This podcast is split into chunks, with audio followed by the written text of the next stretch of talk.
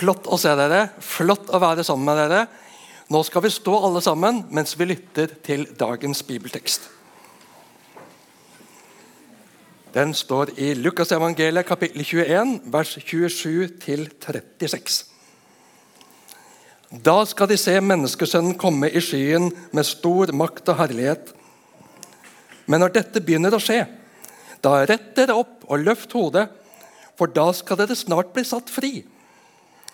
Han fortalte dem en lignelse. Se på fikentreet og alle andre trær. Når dere ser at de springer ut, vet dere av dere selv at nå er sommeren nær. Slik skal også dere vite, når dere ser dette skje, at Guds rike er nær. Sannelig, sier dere, denne slekten skal ikke forgå før alt dette skjer. Himmel og jord skal forgå, men mine ord skal aldri forgå. Vær på vakt, og la ikke hjertet bli sløvet av rangel og drikk og dagliglivets bekymringer, så den dagen plutselig kommer over dere som en snare. For den dagen skal komme over alle som bor over hele jorden. Våg hver tid og stund, og be om å få kraft til å komme velberget fra alt det som skal hende, og bli stående for menneskesønnen.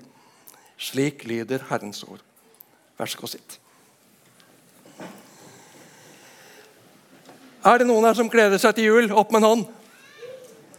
Det var overveldende flertall. Og, og Dere skal slippe å rekke opp hånda eventuelt på neste spørsmål, men er det noen som gruer seg til jul? Jeg må få si jeg også Tusen takk til familiekoret og After Eight og dere som hadde drama her tidligere i gudstjenesten. Fantastisk.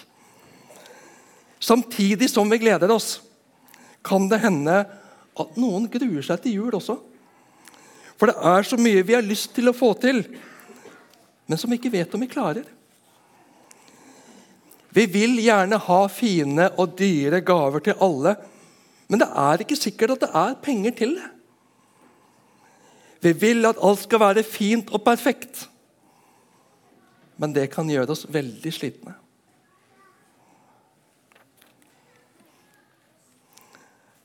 Har du vært i begravelse noen gang? Jeg har ikke hørt om noen som har gleda seg til begravelse. Begravelse er ganske trist. Vi kan grue oss veldig for begravelse. Vi vil helst slippe. Skulle ønske at det ikke var nødvendig med begravelse. Begravelse betyr jo at det er noen som er død. At jeg skal i begravelse, betyr at noen jeg var glad i, noen jeg kjente, noen som betyr noe for meg, er død. Han eller hun lever ikke lenger. Kanskje ba vi inderlig og mange ganger om at hun måtte bli frisk. At det skulle gå bra. Men så gikk det ikke bra. Han døde. Det er slutt. Hun lever ikke lenger. Jeg har blitt ganske overraska noen ganger i begravelser. Overraska over hva slags sanger som velges i begravelsen. Hvordan kan man synge 'Deilig er jorden' i en begravelse? Det er jo bare trist, er det ikke? Det er ikke deilig å være på jorden. Jorden er ikke deilig når jeg har det vondt og sørger over en som jeg var glad i, men som ikke lever lenger. Likevel har noen, ja ganske mange, funnet trøst i å synge den sangen. Selv om jeg har det vondt nå, selv om jeg er lei meg nå, at det er skikkelig trist nå, så er det noe som ikke er trist. Det er noe godt. Det er noe deilig og fint på jorden. Hva synger vi egentlig? Deilig er jorden Prektig er Guds himmel, skjønn er sjelenes pilegrimsgang. Gjennom de fagre riker på jorden går vi til paradis med sang. Når vi makter å tenke på litt mer enn bare den som er død. Når vi makter å tenke på litt mer enn bare det som jeg gruer meg til, om det er innlevering eller prøve eller hva det skulle være, så er det mye fint på jorden. Selv om det nå er ganske mørkt store deler av døgnet i Norge. Og ennå så vil det bli mørkere elleve dager til før det begynner å bli som smått lysere. Og det går mot vår og vinter. Jeg skal innrømme det, jeg er ikke så veldig glad i vinteren. Men jeg er veldig glad i våren. Når bladene begynner å sprette, når krokusen baner vei gjennom jorda, og kanskje til og med gjennom snøen, med sine vakre, fargerike blomster. Jorda har vært ganske død og hard og kald, men bringes til live igjen. Det er vakkert. Jeg gleder meg til sommer. Jeg gleder meg til sol og varme, grønt gress, is og grilling. Varme, lange kvelder på terrassen. Jo, livet kan være ganske deilig. Likevel er det bare småtteri. Deilig er jorden, men prektig er Guds himmel. Og det er noe vi kan lure oss sjøl til å glemme. Vi kan bli så nærsynt og opptatt av alt vi gruer for og er bekymra for her og nå, at vi glemmer at mesteparten av tida skal vi jo ikke tilbringe her på denne jorda, men hos Far, hos Gud, vår himmelske Far, som har skapt oss til å leve med seg. Der skal det ikke være gråt, der skal det ikke være sorg. Ingen død, ingen smerte, ingen savn. Ikke noe vondt og ikke noe dumt. Det skal bli fantastisk. Om to uker så skal vi feire Jesu første komme til jord som baby. Vi hørte sunget 'Led oss frem imot stall og krybbe'. Led oss frem, la oss se hvem du er. Ja, hvem er Jesus? Jesus er Gud som ble baby. Jesus er Gud som ble menneske.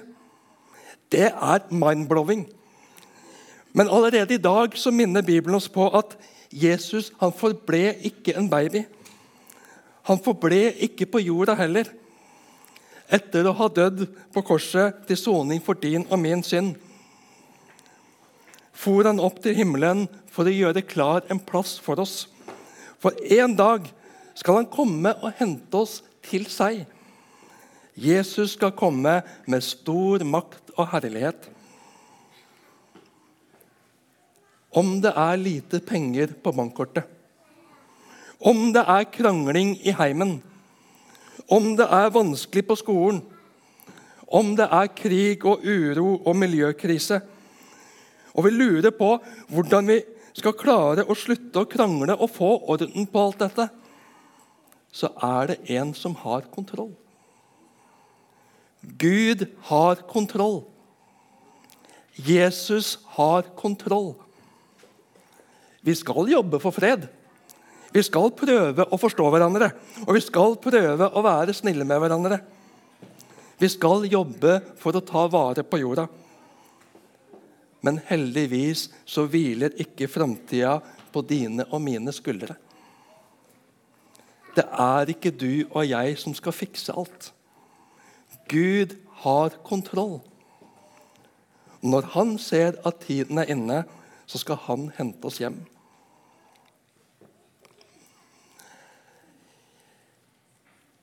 Nå er det bildet der, for det var nærliggende for meg. Men tenk deg verdens beste ferie. Hvordan ser den ut for deg?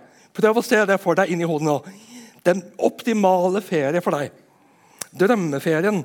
Den beste ferien du kan tenke deg. Og så ganger du det med ti. Og så ganger du det igjen med 100. Og så ganger du det igjen med 1000.